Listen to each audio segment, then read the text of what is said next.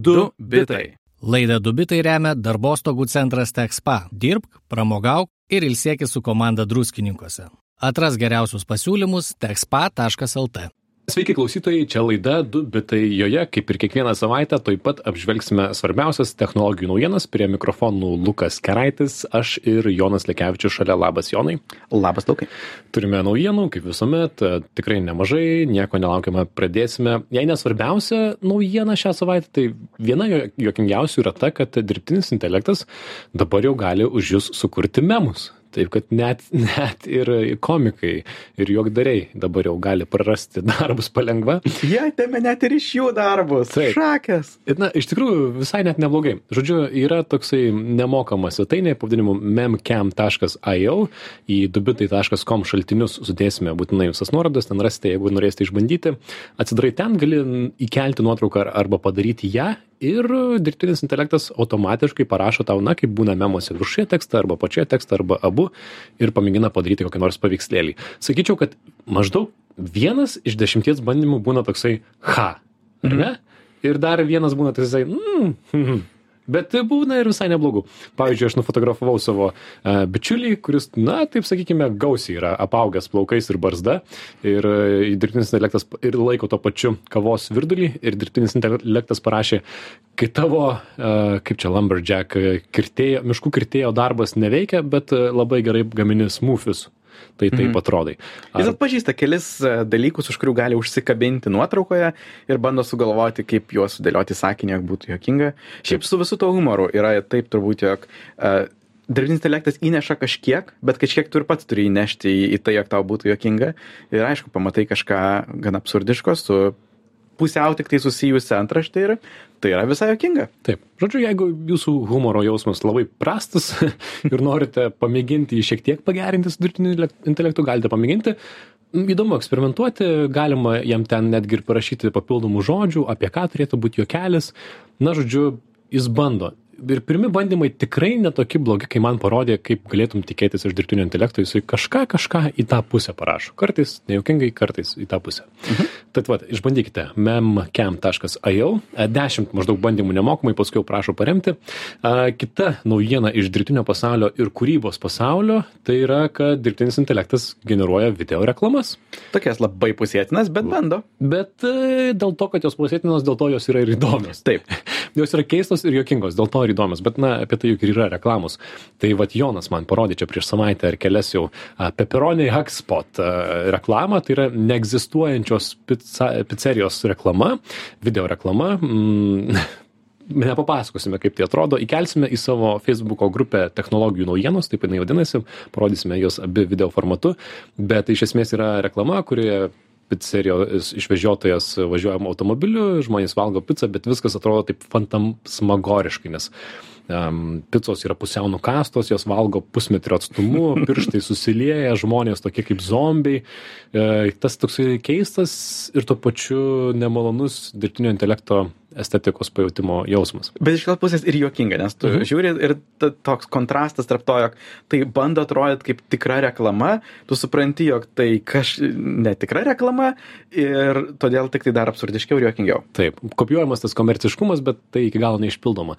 Ir įdomu, kad šita su pizzerija reklama, kuri, na, tikriausiai pirmoji tokia sukurta vien daug, iš esmės panaudojant dirbtinio intelekto įrankių, GPT-4 parašyta panaudota tekstui, Mid Journey, kuriant paveikslėlius, balsas to pasakotojo su Eleven Labs balso sintezė ir be abejo e, pats video sugeneruotas įrašant tekstą visi taip spėja ir galima drąsiai spėti, kad su Gen 1 pro programa, kuri šią akimirką jau išrinktiesiems leidžia ištestuoti 3 sekundžių video, įrašai tekstą, gauni sugeneruotą video, kas yra labai įdomu. Aš tikiuosi, kad galbūt gegužė jie praskleis šitą išbandymą visiems, aš jos taip pat esu laukiu eilėje ir išbandysim. Mhm. Antra reklama šitoje temoje tai yra pavadinimu Synthetic Summer, 30 sekundžių alaus reklame uh, Instagrame, kuri taip pat kaip ir pirmoji reklama išpopuliarėjo, visi dalinasi, visi klausia, kokia programinė įranga tai padaro. Ir vėlgi, jokinga reklama, kažkas geria alų, nealkoholinį, um, tas alaus bokalas jisai yra pusmetrio ilgio, kažkoks keistas, kreivas, na, sunku papasakoti, kol nepamatėjai. Tai įdomu ir stebina, kol nepamatysim tokią ketvirtą ir penktą reklamą, tada sakysim, e, atsibodo. Aš visai laukiu, kad šitas toks surrealistinis stilius galbūt net pereis ir į tikrų kūrybininkų lauką, kada tai net bus bandoma imituoti, jog hm, mes visai norim net pakurti su tokiu surrealizmu. Bus Mhm. visai įdomu. Taip, tad technologijų naujienos Facebook'o grupėje įdėsime ten video, kas norėsite pamatyti. O antra ir tokia gal svarbesnė šios savaitės naujiena. Solidesnė. Solidesnė naujiena, apie ką kalbėjo tikrai daugelis, tai kad iš Google kompanijos išėjo a, žmogus vadinamas dirbtinio intelekto krikštatėviu. Jeffrey Hinton, kuriam 75, 75 išėjo iš Google, pasak jo, tam jo galėtų drąsiau ir garsiau kalbėti apie dirbtinio intelekto keliamas grėsmes, negalvodamas apie tai, kaip jo komentarai atsilieps Google kaip kompanijai. Tiesa, pabrėžė, jog išėjo ne todėl, jog nori labai konkrečiai peikti patį Google, atvirkščiai net sako, jog Google šiame kontekste yra pavyzdingi savo atsakingumu ir kaip, e, kaip atsargiai elgesi paskleisdami dirbtinio intelekto technologijas. Ir galima, tikrai nereikia daug taškų sujungti, jog suprastum, kas iš tiesų yra jo kritikos akiratyje. Tai yra Google šiuo metu didžiausias konkurentas Microsoft, kurie kartu su OpenAI praktiškai be jokių sta stabdžių varo į priekį mhm. ir todėl e, yra, kyla noras e, kritikuoti. Jeffrey Hinton biografija tikrai įspūdinga, jisai daug pasiekęs. Dar 86 metais jo mokslinis darbas išpopuliarino e, backpropagation arba propagavimo atgal techniką, kuri, nu, kuri praktiškai šiuo metu naudojama treniruoti visus dirbtinius intelektus, nes žmonės negalvoja apie tai, jog gali būti kitų alternatyvų. Labai trumpai tariant, tai yra principas, kur a, neuronai, kurie proporcingai darė didžiausią įtaką suformuoti atsakymui, kai jau tas atsakymas yra gaunamas, yra stiprinami arba silpninami proporcingai atgal. Tai vadinasi, pavyzdžiui, jeigu atsakymas buvo neteisingas, tai tas dirbtinis neuronas, kuris prisidėjo labiausiai prie neteisingo atsakymo, yra labiausiai baudžiamas ir silpninamas. A, Po to e, 2012 metais e, jis su kitais studentais e, Alex Kryževski ir Ilija Sucevsker išvystė legendinį AlexNet, kuris buvo toks iššūkis mestas ImageNet atpažinti su dirbtiniu intelektu paveikslėlius. Ir AlexNet iš tiesų buvo legendinis tuo, jog jis į naują lygį iškėlė kiek dirbtinis intelektas gali atpažinti ar čia šuo, ar durys, ar lėktuvas. Taip, aš taip pasakyčiau, kad tai yra pradžia to, kas vyksta dabar. Man atrodo, tie 2012 metai ir štai šitas konkursas, ImageNet pavadinimu, kurį dirbtinis intelektas bandė be ne pirmus kartus ar net pažinti paveikslėlius, mhm. šunį, šunį nuo katės, tai šis mokslininkas ir pradėjo. Dėl to kartais ta antraštė dirbtinio intelekto krikštatėvis, žinot, na, būna garsių ant, antraščių, bet šiam mhm. žmogui šita antraštė tikrai, tikrai tinka ir tai yra įspūdingas pasiekimas, ką jis padarė Visiškai taip. metų. Ir, ir Alex net dar buvo tai, kas pradėjo grafikos kortų naudojimą labai aktyviai dirbtinio intelekto pasaulyje. Tai mes dabar vėlgi matome, jog vėlgi šiuo metu irgi viskas pastatyta ant tų pačių grafikos kortų per 11 metų. Šitas principas nėra pasikeitęs. Šiaip ar taip, atskirti šunį, šunį nuo katės, kas, kas gali būti reikalingiau pasaulyje ir svarbiau dirbtinio intelekto srityje, taip, kad viskas jau padaryta. O 2018 metais jisai gavo taip vadinamą kompiuterių mokslo Nobelio prizą, Alano Turingo apdovanojimą kartu su kitom superžvaigždėm dirbtinio intelekto pasaulyje, Jan Lekun ir Joshua Bengio. Ir būtent tada praminė jį AI krikštatėviu, nes uh, jie buvo pionieriai to vadinamo giluminio mokymosi. Uh, tai yra labai gilus, daug sluoksnių turintys dirbtinio intelekto modeliai, uh, kurie vėlgi buvo irgi revoliucija dirbtinio intelekto pasaulyje ir atrakino tai, ką mes turime uh, šiuo metu. Jeigu netingėtume, tai tiesą pasakius, dirbtinį intelektą ir vadintume giluminiu mokymusi arba dirbtiniais neuroniniais tinklais, ar ne? Mhm. Kas būtų tikslesnis metodo pavadinimas. Na, bet... Tikrai taip. Na ką, ir dabar jisai išėjo, ką jisai kalba apie dirbtinio intelekto rizikas. Pirmiausia, jisai pabrėžia misinformaciją, jog tuo nebegalėsime atskirti, kas yra tikra, kas ne, kaip tokį ankstyviausią riziką, dėl kurios reikėtų nerimauti. Jis taip pat sako, jog dirbtinis bendrasis intelektas, tai yra intelektas tolygus žmogaus protui, jis manė, jog yra 350 metų atgal, tolyn, dabar galvoja, mažiau nei 20 metų, iki tol, kol pasieksime žmogaus lygį bendrai. Ir sako, jog tai bus toks pat didelis pokytis kaip industrinė revoliucija ar elektros atsiradimas. Um, jį baimina būtent tos dirbtinio intelekto, lenk, dirbtinio intelekto lenktynės tarp Google su DeepMind ir Microsoft su OpenAI gal todėl ir norėjo išeiti. Ir BBC interviu vos prieš kelias dienas sakė, jog chatbotai, tokie kaip ChatGPT, greitai aplenk žmonės savo galimybę atsiminti informaciją, kas yra įdomus, įdomi kartelė. Na, o apie egzistencinę riziką, jog čia dabar mus išnaikins, jis sako, jog tai nėra neįmanoma.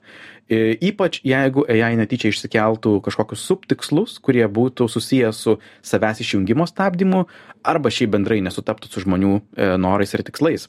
Ir dar 17 metais jis buvo pasirašęs, e, jog dirbtinio intelekto nenaudoti prie mirtinų ginklų, ypač kariuomenėje. Mhm, taip, jis ir tą paminėjęs ne, ne vieną kartą.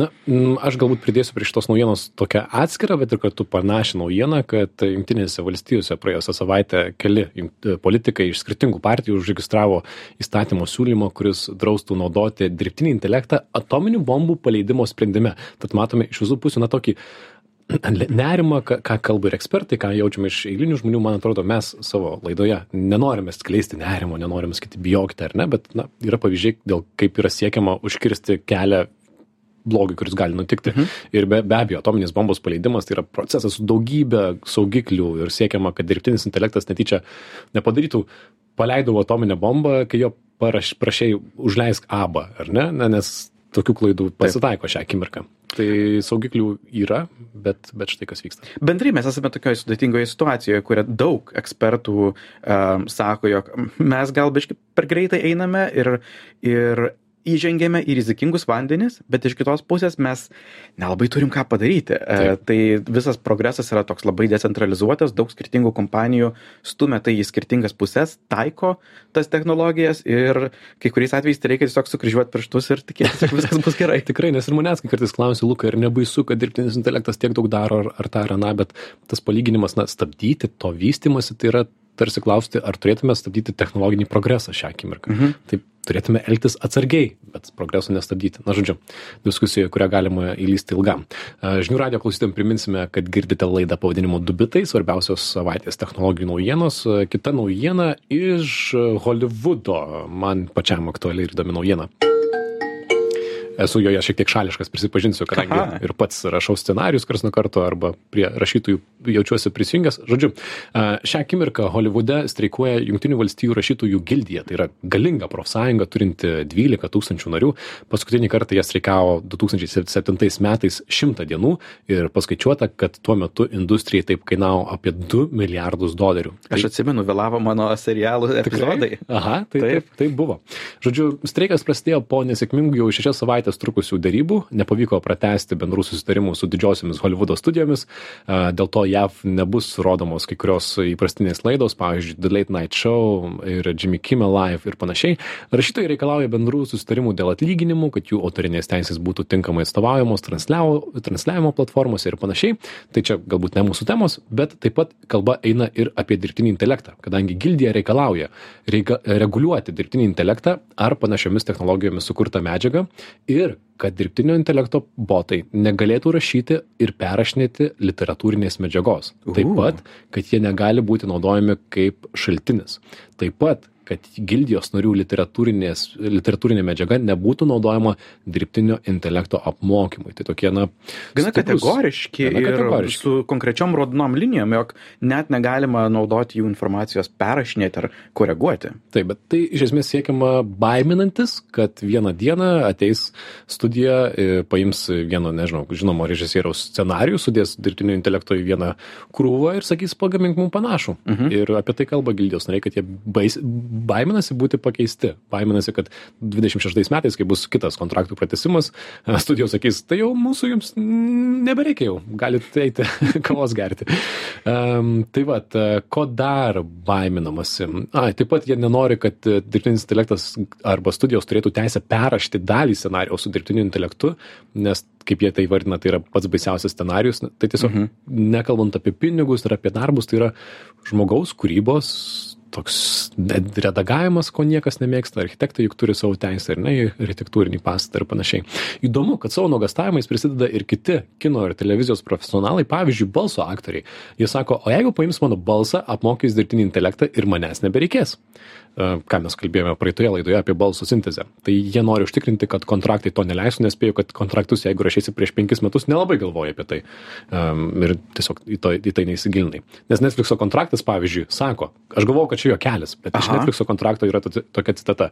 Balso aktorius leidžia naudoti savo balsą visomis dabar žinomomis ar vėliau sukurtomis technologijomis ir procesais visoje visatoje ir neribotą laiką. Tai o, aš nežinojau, jog štai eilutė yra kontrakte, bet Na, čia- tiem, kas jau ją pasirašė, tai wow, belieka tikėtis, jog žmonės iš geros širdies dar norės jiems siūlyti darbą. Galbūt ne kiekvienam kontrakte tai yra, bet dar įdomesnis pavyzdys man yra į- įdomių e, aktoriai, kurie dirba su animavimo kostiumais. Tikriausiai žinote tokius kostiumus, kuriuos dabar jau dažnai deda aktoriams, kurie Judesio fiksuoja užfiksavimo, fiksuoja judesį, capture. taip, jie gali paskui matyti modelį 3D aplinkoje ir, ir gali jį redaguoti ir panašiai. Uh, būtų jai labai įdomu, jeigu tokio aktoriaus kontrakte na, būtų nurodyta, kad judesių autoriniai nusavybė panaudojant tos judesius panaudoti tos judesius apmokant dirbtinį intelektą, generuoti naujus judesius, tada reiškia, kad tas gali pasamdyti karate meistrą ar baleto šokėją, jisai padaro savo judesius, apmoka dirbtinį intelektą ir likusius judesius pastarai pats. Mhm. Ir tai yra judesių tikriausiai intelektinė nuosavybė. Wow, nebūčiau pagalvojęs prieš porą metų, kad toks dalykas iš vis egzistuoja. Bet Ir šiuo metu mes jau, e, vienoje laidoje mes ten šnekėjom gal apie 15 skirtinių, skirtingų naujų modelių ir vienas iš tų modelių buvo būtent judesio informacijai generuoti, mm. kur gali tiesiog tekstu pasakyti, aš noriu, jog štai būtų veikėjas, kuris padaro saltą ir tuomet išsiteškia. E, tai ir tuomet sugeneruotų būtent judesių informaciją. Tad čia tikrai e, laiko klausimas. Taip, ir atrodė, kad tai yra tokia labai fizinė sritis šokis, ar ne, judesys jau šito tai tikrai dirbtinis intelektas nepalies, bet štai paliečia. Tai iš tos naujienos, ką išsinešu, kad rašytojai Junktinėse valstijose yra viena iš profesijų, kurie, kurie turi tikrai stiprią gildiją. Jie tikrai ne vieninteliai, kuriem grasina dirbtinis intelektas, bet bus įdomu, kaip visą tai išsivystys, nes jeigu jiems kartais pavyktų pakovoti už savo teisės, jeigu jiems pavyktų laimėti tai, ko jie nori, Wow, tai būtų kitų sričių profesionalams pavyzdys ir precedentas, į kurį jie galėtų baksnuoti ir sakytų, ir mes taip norim. Jeigu turi labai stiprią profsąjungą. Jeigu turi. Na tai žiūrėsime, kaip gausis. A, kita naujiena iš jau šios a, Atlanto pusės apie e, Europos pristatytą naują generatyvaus dirbtinio intelekto reguliaciją. Jau prieš uh, du metus ES buvo pradėjusi renkti savo dirbtinio intelekto įstatymą AI Act, tačiau prieš tuos du, metus, uh, pavyzdžiui, chatbotai kaip ChatGPT buvo įstatymą paminėti vos vieną kartą. E, tuo metu visi galvoja apie deepfake'us, apie apsimetinėjimą kitais. Uh, po ChatGPT šis įstatymo projektas labai skubiai yra perrašinėjimas, pildomas ir plečiamas, ypač vad galvojant apie generatyvius dirbtinius intelektus. Ir per 11 dienų buvo parašyta nauja uh, redakcija šito būsimo straipsnio, uh, galvojant apie būtent, tai ką, kas pasikeitė, ką naujo reikia aptarti ir pradėti reguliuoti. E, Manau, yra dvi idė, įdomios idėjos šitame, įstatyme. Pirmiausia, jog dirbtiniai intelektai bus skirstami pagal riziką. Kokio dydžio yra rizika? Riboto dydžio rizika, aukšta rizika arba nepriimtina rizika. Ir aukštos rizikos dirbtinio intelekto panaudojimas bus leidžiamas, tačiau atsiras žymiai didesnis reguliavima, reguliavimas apie skaidrumą tiek informacijos, kuri yra naudojama jiems, tiek kam yra naudojami tie dirbtiniai intelektai. Ir yra visai įdomu, jog panašu, jog čia GPT įkristų būtent į šitą aukštos rizikos dirbtinio intelekto kategoriją. Mm. Ir e, kiti, kitos kategorijos, kurios, e, dirbtinio intelektų kategorijos, kurios turbūt įkris į šitą krepšelį, tai būtų modeliai susijęs su biometriniu sekimu, misinformacijos potencialių generavimu, aš spėjau galbūt todėl čia GPT patenka į tai, ir diskriminacijos, e, kai modelis priema tam tikrus sprendimus.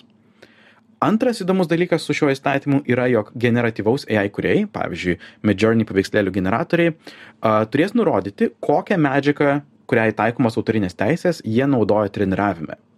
Buvo norinčių mm. iš viso uždrausti modelius, kurie naudoja autoriniam teisėm saugomą informaciją, bet tai nebuvo priimta, manau, gerai, nes kitaip iš viso Europoje nebūtume turėję jokių modelių. Um, bet dabar bent jau bus kažkokia instrukcija ar informacija, kokia informacija buvo panaudota treniruojant. Nes kol kas daug kas ten yra nematoma. Mes nežinom, pavyzdžiui, kas įėjo į dalį, kas įėjo į Midjourney. Balsavimas dėl to prasidėjęs gegužės 11, kaip mes žinom, su Europos įstatymais, tai ten užtrunka, kol perina per visą procesą, bet jau yra visai įdomu, e, kas parašyta. Ir taip pat nežinom, ką reikės prirašyti vėl po pusmečio, nes dabar reikėjo skubiai prirašyti čia GPT, pažiūrėsim, kas bus toliau. Taip, bet reikia paminėti, kad tai yra na, dar tik tai įstatymo projektas, ar ne? Tai kol mhm. jisai įsivažiuos, kol, kol išjudės dar viskas pasikeis, bet, bet matome, kur link juda ir tie žmonės. Juda kurie, greitai, kas visai sveikintina. Taip, na, tie žmonės, kurie sako, kad reikia reguliuoti dirbtinį intelektą, tai štai tai yra daroma judama. E, tas sąjunga mėgsta skirstyti technologijas į tas skirtingas rizikos lygius lygius tą patį matom ir čia. Tai tikėtina kad kažkoksai reguliavimas anksčiau ar vėliau atsiras o kad atvertų tuos duomenis su kuriais apmoko dirbtinį intelektą būtų įdomu. Nes tai teoriškai galbūt išduotų galimybes atsekti ir galbūt mokėti netgi ir honorarus už tai ar ne? Galbūt tai taptų real realio realistiškiau Taip, smulkmeną dar prie to priklijuoti galim paminėti, jog ChatGPT, kuris prieš mėnesį buvo uždraustas Italijoje, sugrįžo. OpenAI kažką patikslino, ką ten prašė patikslinti, dabar prašo suvesti amžių, gal tam, jog moksleiviai ne, nesinaudotų, o toliau veikia kaip veikęs. Taip, kaip tik bičiuliai pasakojo, kad buvo Italijoje ir reikėjo pasinaudoti ChatGPT, tai teko naudotis VPN ir, ir, ir tai, tai ir tiek. Tai ir tiek. Tiek to apsaugų, ar ne? Gerai, e, dar naujienų apie Apple ir Google, kurie kartu spręs AirTagų naudojimą sekimui, e, naudojimo sekimui problemą. Čia gal reikia paminėti, kas yra AirTagai. AirTagai, kas nežinot? E, toks mažas Apple daikčiukas su baterija, kuris padeda rasti pamestus daiktus. Mhm. Uh, labai mažas, veikia metus, aš pats prie raktų savo esu prisikliavęs, labai patogu, jeigu netyčia kur nors juos palieki, tau padeda surasti, kur tai yra. Raktai, piniginiai ir visi kiti dalykai, visi telefonai e, Apple tai turi, tai buvo iškelta į atskirą į, įtaisėlį. Tikrai naujiena tokia. Ir antrainį, Apple ir Google paskelbė, jog jie dirbs kartu norėdami stabdyti šitų AirTagų naudojimą sek žmonių sekimui. Nes, žinoma, tu gali sekti ne tik savo raktus, tu gali įmesti kam nors į rankinuką ir tai yra pavojinga. Tad Apple jau buvo įdėję daug pastangų, bet jie kadangi gali spręsti viską tik per savo prietaisus ir savo operacinės, jų galimybės yra ribotos, tad reikėjo pagalbos iš Google, jo kai kurį iš to šio funkcionalumo perkelti į Android operacinę sistemą šiuo metu apple prietaisai tau praneša jeigu su tavimi keliauja ir tagas kuris tau nepriklauso jog kažkas galbūt tave seka tačiau androido vartotojai turėjo parsisiųsti programėlę ir rankomis proaktyviai tikrinti ar jų netyčia kas nors neseka to tikrai nieks nedarė panašu jog šitas susitarimas bus būtent apie tai jog androido vartotojai bus perspėjami automatiškai jeigu juos seka kažkoks artegas ir panašu jog tai bus pasiekta su industrijos standartu tad kitos kompanijos kaip tile ar samsung kurios turi savo AirTag alternatyvas, taip pat galės pasinaudoti. Taip, mums naudotojams tai yra geros naujienos, ar ne? Prisiminkime, prieš metus ar kiek, kai pasirodė AirTagai, buvo nemažai, man atrodo, visai pagristos baimės apie žmonių privatumą ir sėkimą, kad, na, atsiranda labai lengvas būdas sekti kitą žmogų, įmeskim, kaip ir sakė, į kuprinę, po telefą pakiš kažkur ir gali sekti. Mhm. Tad tai daryti bus sunkiau. E, man tokia šalia naujiena, kurią teko užmatyti, tai kad New Yorko meras Eric Adams praėjusią savaitę kartu su policijos departamentu spaudos konferencijos metu skatino miestiečius, niujorkiečius nusipirkti ir tegus ir turėti juos savo automobiliuose, kadangi automobilių vagysčių mieste uh, daugėja, šiais metais jau daugiau negu 13 procentų paaugo. Įdomus faktas, Hyundai ir Kia markių automobilių šiais metais Niujorke jau pavogta daugiau nei per visus praėjusius metus, nors dar tik gegužės pradžia.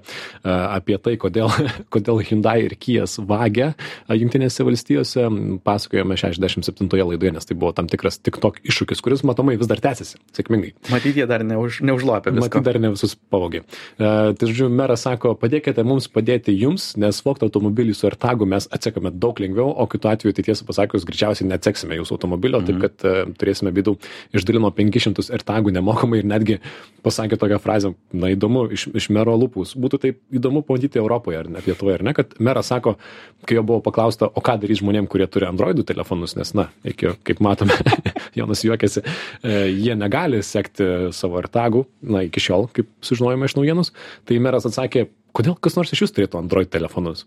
Na, toks... Fantastiškas burbuliukas New Yorkas, ne? Taip, taip. Na, bet šitas meras, be to jis save vadina tokiu gyku, jis tokį įvaizdį, kurį... Aš šiaip beje esu prisikliavęs vieną iš savo artagų, paslėpęs jį savo paspirtukę, tad Išdavai. čia mano automobilis šiuo metu, tad tikrai patogu, jeigu kas nors identičiai jie pavoktų, aš galėčiau taip. sekti. Tarp kitko, prieš šios naujienos dar buvo įdomus faktas, kad policija netgi pati yra radusi, man atrodo, vienoje New Yorko dalyje patruliuojantis policininkai po kapotu rado pakištą AirTagą, hmm. kas matomai, na, tokiam, jie nelabai saugiame rajone važinėja, tai reiškia vietiniai tikriausiai ne pačių geriausių kėslų žmonės seka policiją, Wow. kurie ir žino, kada jie yra jų rajone.